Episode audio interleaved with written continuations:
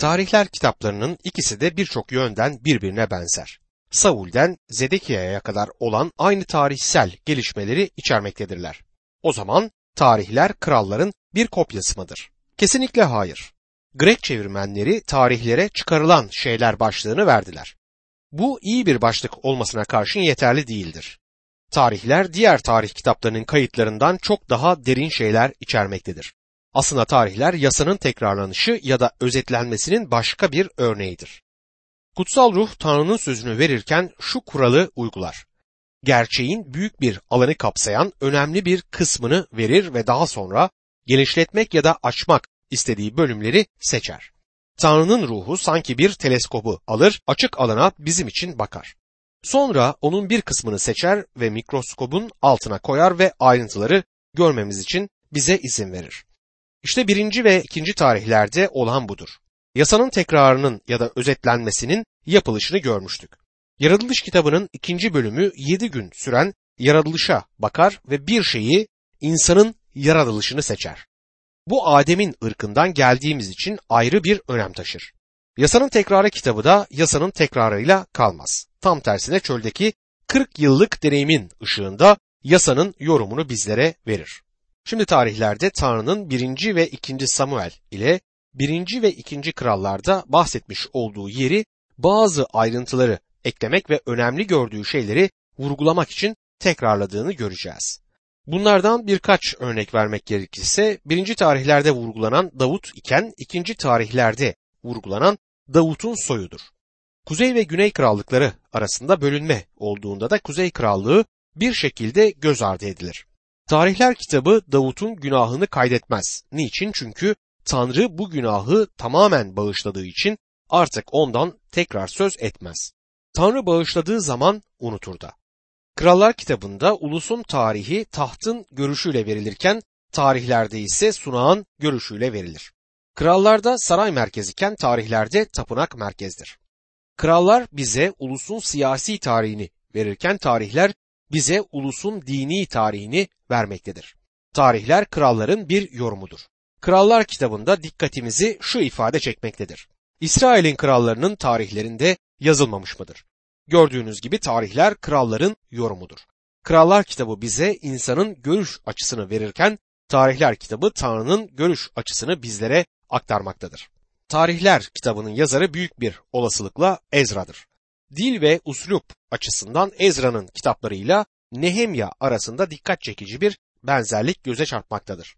Sonuç olarak tarihler Babil'in işgali sırasında yazılmıştır. Tarihlerin iki kitabı orijinalinde bir kitap oluşturmakla kalmayıp Ezra ve Nehemya'yı da kapsamıştır. Bu Ezra'nın yazarlığının Yahudi geleneğini desteklemektedir. Birinci tarihler kitabının ana hatlarını şöyle saymak mümkündür. İlk olarak soylar ve bölümler 1 ila 9. bölümlerde karşımıza çıkar. Saul'ün krallığı 10. bölümde konu edilirken 11 ila 29. bölümler arasında Davut'un krallığı konu edilmiştir. Davut'un yiğitleri 11 ve 12. bölümlerde konu edilirken 13 ila 16. bölümlerde Davut ve Tanrı'nın sandığı konu edilir. Davut ve tapınak konusu ise 17. bölümün konusudur. 18 ila 20. bölümlerde Davut'un savaşları, 21. bölümde Davut'un insanları saymada işlediği günah konu edilmektedir. Davut ve tapınağın inşaatı için yaptığı hazırlık ve organizasyon ise 22 ila 29. bölümlerin temel konusudur. Az önce de söylediğim gibi 1 ila 9. bölümler arasında soylar konu edilir. İlk 9 bölüm soyları içerir ve birçok açıdan bu Tanrı'nın sözünün olağanüstü olduğu bölümlerden birisidir. Nasıl başladığına dikkat ediniz. 1. tarihler 1. bölüm 1 ila 4. ayetler arasında Adem, Şit, Enoş, Kenan, Mahalalel, Yeret, Hanok, Metüşelah, Lemek, Nuh, Nuh'un oğulları Fa, Sam, Ham, Yafet. Bunlar yaratılış kitabının ilk 8 bölümünde okuduğumuz kişilerin adlarıdır. Soyla ilgili kesimi okurken Tekvin kitabında da aynı yöntemin izlendiğini fark edeceksiniz. Yani dışlanan, reddedilen soydan önce söz edilir. Sonra da kutsal yazılar boyunca Rab İsa Mesih ile giden soy bizlere verilir. Önce Yafet'in oğulları, sonra Ham'ın oğulları ve son olarak da Sam'ın oğullarının listelendiğine dikkat ediniz. Yalnızca Sam'ın soyu devam eder. Bu da İbrahim'e kadar sürer. Sonra İbrahim'in soyu kaydedilir. İsmail ve oğulları İbrahim'in Ketura'dan olan oğulları ve son olarak da İbrahim'in oğlu İshak'ı ve İshak'ın soyuyla devam eder. Önce Esav'ın neslinin listesi verilmektedir. Ne var ki Rab İsa'ya uzanan soy İshak'ın diğer oğlu olan Yakup'un soyundan çıkacaktır. İkinci bölüm Yakup'la yani İsrail'in nesliyle başlar ve 9. bölüme kadar devam eder. 15. ayete gelince Yesse'nin soyu karşımıza çıkar.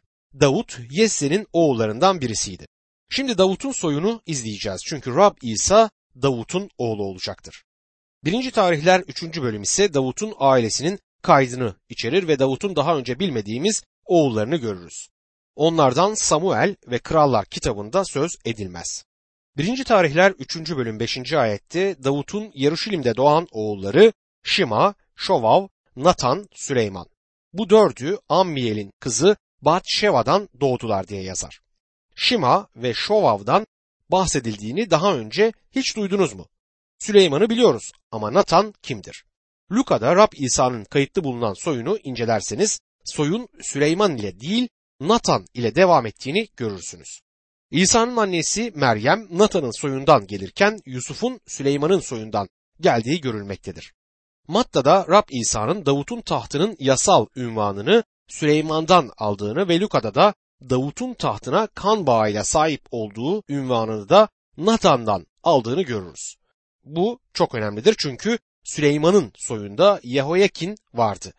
Kutsal kitapta Rab ona şöyle der. Soyundan gelen hiç kimse Davut'un tahtında oturamayacak. Yahuda da bir daha krallık etmeyecek. Bu kişi Mesih'e uzanan soyda problem oluşturdu. Bu da Yusuf'un Rab İsa'nın babası olamayacağına ve İsa'nın bakireden doğması gerektiğine dair bir kanıttır. Dördüncü bölümde Kalep, Sela ve Şimon'un soyuyla devam eden Yahuda'nın soyu karşımıza çıkar. Beşinci bölüm Ruben'in soyundan sürgüne kadar olan kısmının izini araştırıp bulmaktadır. Birinci tarihler 5. bölüm 1 ila 2. ayetlerde İsrail'in ilk oğlu Ruben'in oğulları. Ruben ilk doğandır. Babasının yatağına yatıp onu kirlettiği için ilk oğulluk hakkı İsrail oğlu Yusuf'un oğullarına verildi.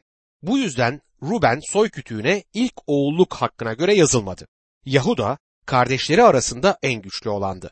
Önderlik hep onun soyundan çıktı ama ilk oğulluk hakkı Yusuf'a aitti diye yazar.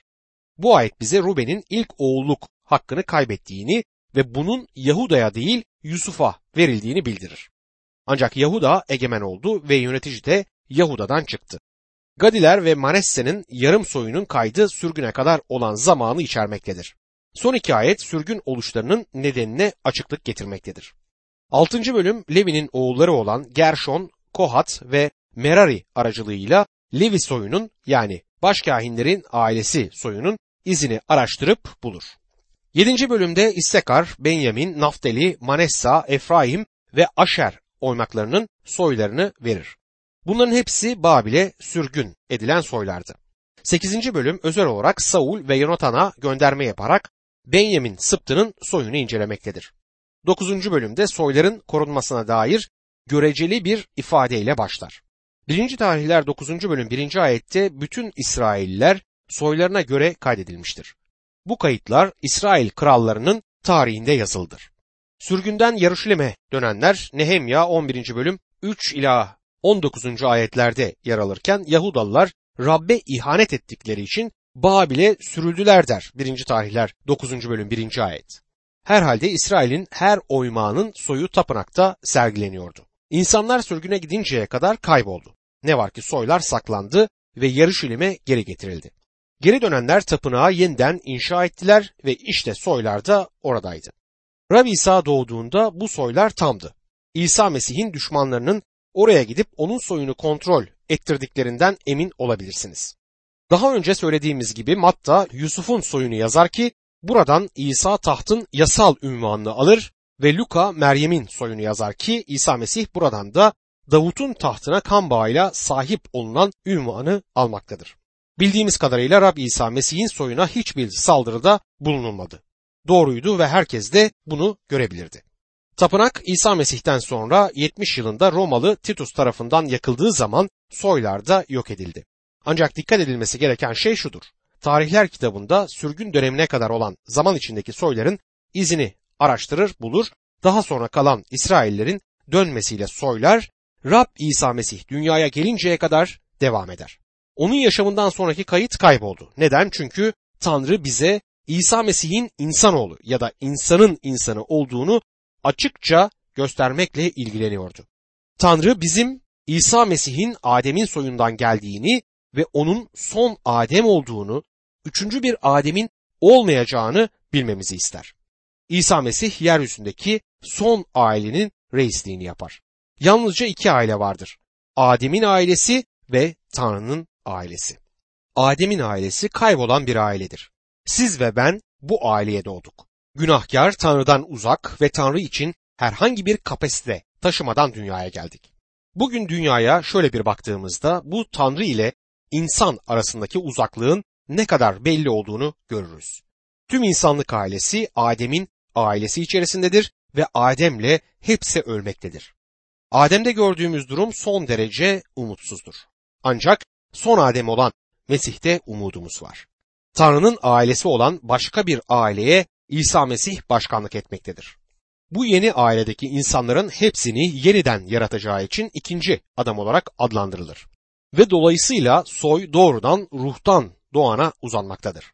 Eğer bugün Mesih'e geldim ve ona inandım, o benim kurtarıcım ve Tanrı'nın ruhu, onu benim için gerçek kıldı diyebilirseniz, o zaman son Adem'in ailesine ait olursunuz. Bu ailede yaşam hem de sonsuz yaşam vardır. Rab İsa'nın getirdiğini söylediği şey budur. Aslında o yaşam benim dedi. Ayrıca şöyle dedi. İnsanlar yaşama, bol yaşama kavuşsunlar diye geldim. Yaşamı sırf var olmak, uyuşturucu ya da alkolle heyecan yolculuğuna çıkmaktan daha anlamlı kılan İsa Mesih'tir.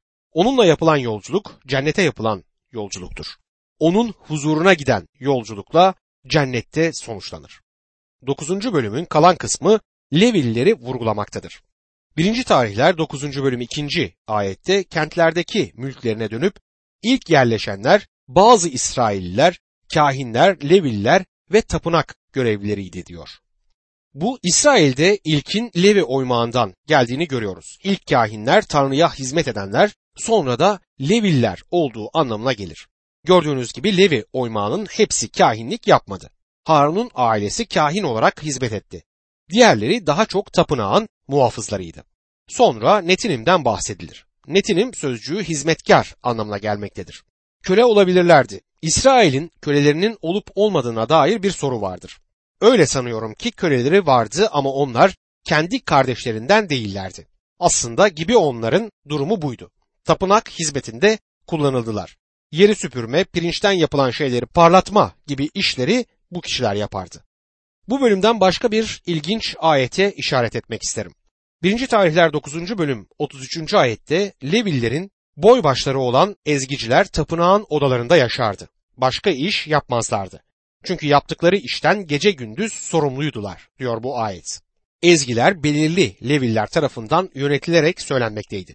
İsrail'de müzik son derece gelişmişti. Davut'un müzikle çok yakından ilgilendiğini hatırlarsınız. Aslında ona İsrail'in tatlı mezmur yazarı dendi ve mezmurların çoğu da onun kaleminden çıktı. Bu bölüm Saul ailesinin soyuyla son bulur. Bu olağanüstü bir şekilde Saul ve oğlu Yonatan'ı izler. 9. bölüm tarihlerin soyuyla sona ermektedir. Kutsal yazılardaki en uzun soydur ve dünya tarihi ya da edebiyatında böyle bir şey yoktur. Adem'le başlar ve İsa Mesih'e kadar uzanır. İlk Adem'le başlar ve son Adem'e kadar devam eder. Bu tablo var olan en büyük soy tablosudur. Bize hepimizin aynı ailede olduğumuzu anlatmaktadır. Günümüzde tabii ki hiç kimse soyunun Adem'e kadar uzantısını araştırarak bulamaz. Çünkü Romalı Titus İsa Mesih'ten sonra 70 yılında tapınağı yakıp yıkınca soylarda kayboldu. Yine de Adem'den itibaren izlenebilen genel yolu anlatabiliriz. Çoğumuzun geçmişinde Yafet varken kimimizin geçmişinde Ham, kimimizin de Sam vardı. Ama hepimizin geçmişinde Adem vardır. Tarihlerde kaydedilen soylardaki apaçık olan atlamalara dikkat etmek ilginç ve önemlidir. Örneğin Kain ve ailesinden hiç bahsedilmez. Adem'in Kain adında bir oğlu yok muydu? Evet vardı. Ama soyu sona erdiği için buradaki listede yer almaz. Yaratılış 7. bölümde kaydedildiği gibi tufanda mahvoldu. Sanırım bütün soy tablolarında yaratılışta bile atlamalar vardır. Bu insanın yaşıyla ilgili önemli soruya ışık tutabilir. İnsanlık kaç yaşındadır? Benim kişisel görüşüme göre insan soyunun yaşı 6000 yıldan daha büyüktür. İnsan yeryüzünde oldukça uzun bir süredir var. Ancak Tanrı onu yarattığında o Adem'di, bir insandı ve özellikle altını çizerek söylemek istiyorum, bir maymun değildi.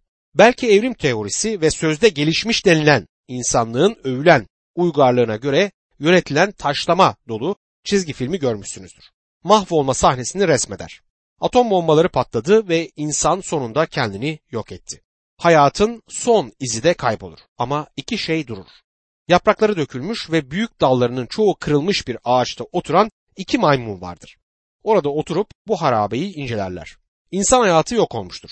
Çizgi filmin ima sahnesine gelmişsinizdir. Şimdi hepsini yeniden yapmak zorunda kalacağız der bu sahne. Kutsal yazılar elbette ki insanlığın intihar etmeyeceğini garanti eder. Peki insanın gelişmesine ne demeli? Adem'in zamanından beri yeryüzünde uzun bir süredir bulunmaktadır. Psikoloji insanı zeka seviyesine yani IQ'suna göre sınıflandırmaya çalışıyor. Bu elbette ki mekanik bir yoldur ve insanı başarıları ve yeteneklerine göre mekanik bir şekilde sınıflar.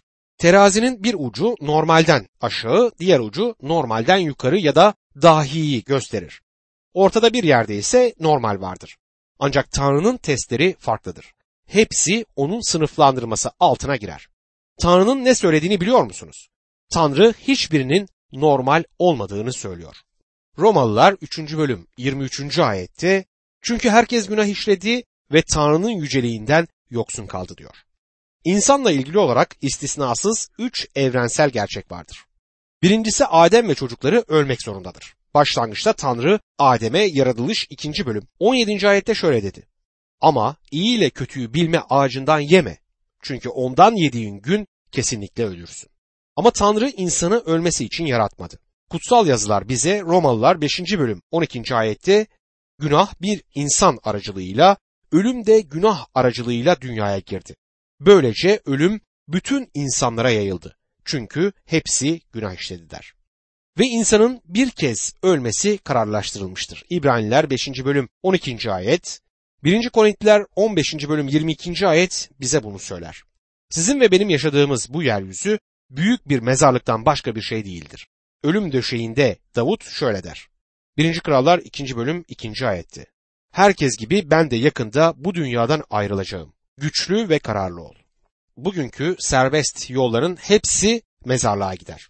23. mezmur 4. ayette karanlık ölüm vadisinden geçsem bile kötülükten korkmam. Çünkü sen benimlesin. Çomağın, değneğin güven verir bana diye yazıyor. İşte bu sözler yaşayan insanın durumunu resmeder. Ölüm yeryüzünde bir canavar gibi sinsice gezmektedir. Üç çeşit ölüm vardır. Birincisi fiziksel ölüm, ikincisi ruhsal ölüm ve üçüncüsü ise sonsuz ölümdür. Adem yasaklanan meyveyi yedikten 900 yıl sonra fiziksel olarak öldü. Ama ruhsal olarak hemen o anda öldü. Ölüm ayrılık demektir. Fiziksel ölüm ruhun bedenden ayrılmasıdır. Ruhsal ölüm insanın Tanrı'dan ayrılmasını belirtmektedir. Ve sonsuz ölüm insanın Tanrı'dan ayrılması anlamına gelmektedir. Sonsuz ölüm sonsuza dek Tanrı'dan ayrılmak demektir. İşte cehennem budur. Tanrı'nın hiç gitmediği yerdir orası. Orada Tanrı'nın bereketi, merhameti ve sevgisi yoktur. İkinci olarak ise evrensel gerçeğin bir diğeri ise şudur. Adem ve çocuklarının hepsi günahkarlardır. Tanrı bizden hepsi günah işledi diye bahseder. Ve beyanın kanıtı ise herkesin ölmesidir. Herkes Adem'de ölür. Herkes Adem'de günah işlemiştir. İbrahim iyi biriydi ama günah işledi. İsmail bunun kanıtıdır. Kaleb iyi ve önemli biriydi ama cariyesi vardı ve günah bu adamı Tanrı'dan uzaklaştırdı. Tanrı'ya karşı açıkça isyan eder, kahin gibi Tanrı'nın huzurundan çıkar. Yaşaya kitabının 59. bölümünü herkes okumalıdır. Yaşaya 59. bölüm 2. ayette ama suçlarınız sizi Tanrınızdan ayırdı. Günahlarınızdan ötürü onun yüzünü göremez, sesini işitemez oldunuz. Adem ile çocukları Tanrı'dan ayrılan günahkarlardır. Günah tüm ırkı bozan bir felaket, bir hastalık ve bir vebadır. Dostum yürek kötüdür ama insanlık ailesinde birkaçının yürek sorunu vardır. Kanser korkunçtur ama kansere yakalananlar küçük bir oranı oluşturur. Ancak herkes günah işledi. Tabi bunun dışında olan büyük bir örnek var. Rab İsa Mesih günah işlemediği için ölmek zorunda değildi. Düşmanlarına Yuhanna 8. bölüm 46. ayette meydan okudu. Hanginiz bana günahlı olduğumu kanıtlayabilir? Gerçeği söylüyorsam niçin bana iman etmiyorsunuz dedi. Hiç kimse kanıtlayamadı. İsa Mesih şöyle dedi. Canımı kimse benden alamaz. Ben onu kendiliğimden veririm. Onu vermeye de tekrar almaya da yetkim var. Rab İsa evrensel günahın dışındadır. Ancak o bir istisnadır. Geri kalan hepimiz günah işledik.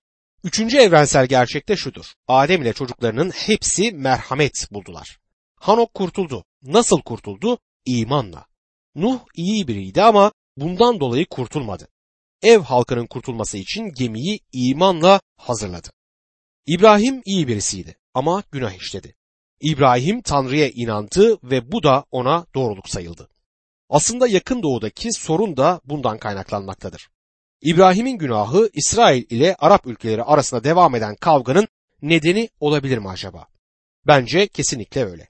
Eğer o Mısırlı küçük hizmetçi kız olan Hacer vasıtasıyla İsmail'in dünyaya gelmesine neden olmamış olsaydı herhalde bugün Orta Doğu'daki bu kargaşalık olmayacaktı. Davut da Tanrı'nın önemli bir adamıydı ama hepimiz onun günah işlediğine dair hemfikiriz. Elçi Paulus Efeslere yazdığı mektupta ama merhameti bol olan Tanrı bizi çok sevdiği için suçlarımızdan ötürü ölü olduğumuz halde bizi Mesih'le birlikte yaşama kavuşturdu. Onun lütfuyla kurtuldunuz diye yazar. Efesliler 2. bölüm 4 ve 5. ayetlerde.